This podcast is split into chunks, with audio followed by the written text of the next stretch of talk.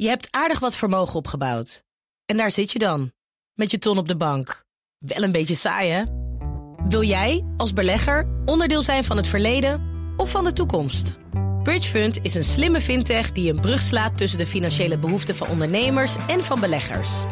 Dus wie belegt bij Bridgefund krijgt niet alleen een mooie vaste rente, maar brengt ook ondernemers in beweging. Echt waar, met die ton kan je zoveel betere dingen doen. Bridgefund. Make money smile.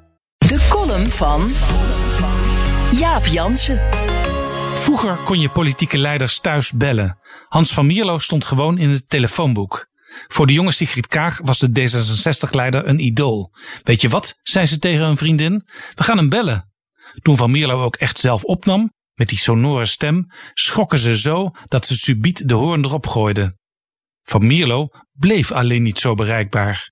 Als vicepremier op buitenlandse zaken was hij altijd weg, vaak onbereikbaar voor de top van het kabinet en van zijn partij. Van Mierlo was in die vier jaar maar liefst 26 keer voor langere tijd op reis, weg uit Nederland. En communiceren ging toen nog met vaste telefoon en fax. Mobieltjes waren er nauwelijks, laat staan WhatsApp of Zoom.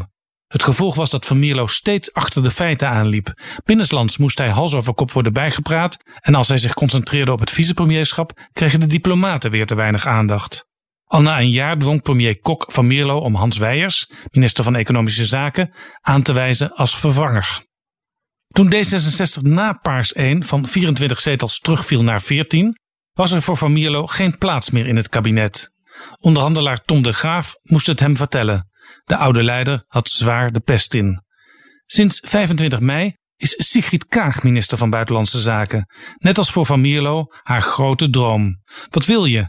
Internationaal opgeleid met een carrière via Shell, Buitenlandse Zaken en heel lang in topfuncties bij de Verenigde Naties, is dit in je vaderland zo'n beetje het hoogste wat je kunt bereiken. Sinds haar aantreden als minister van Buitenlandse Handel en Ontwikkelingssamenwerking hoorde je vaak: eigenlijk is zij de echte minister van Buitenlandse Zaken en niet Halbe Zijlstra of Stef Blok. Het ligt voor de hand dat Kaag straks in Rutte 4 door wil in die droombaan. Ik heb een advies voor haar. Doe het niet. Denk aan Van Mierlo, hoe hij op die post zijn partij niet hielp en ook de diplomatie niet.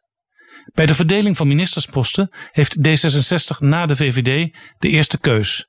De belangrijkste en meest politieke positie, met veel Europese en internationale contacten, is minister van Financiën. Wie dat al snel doorhad, was Wim Kok in het laatste kabinet Lubbers, de premier die hij opvolgde.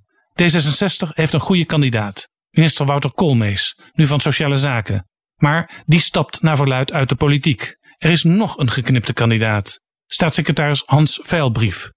Maar als Kaag zelf het kabinet in wil en het haar echt menens is met D66 en haar belofte van nieuw leiderschap op weg naar het torentje, dan moet ze het zelf gaan doen.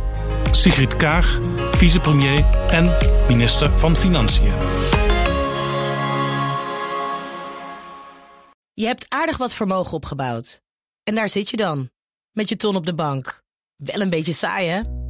Wil jij, als belegger, onderdeel zijn van het verleden of van de toekomst? Bridgefund is een slimme fintech die een brug slaat tussen de financiële behoeften van ondernemers en van beleggers.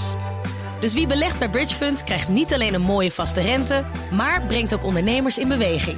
Echt waar, met die ton kan je zoveel betere dingen doen. Bridgefund. Make money smile.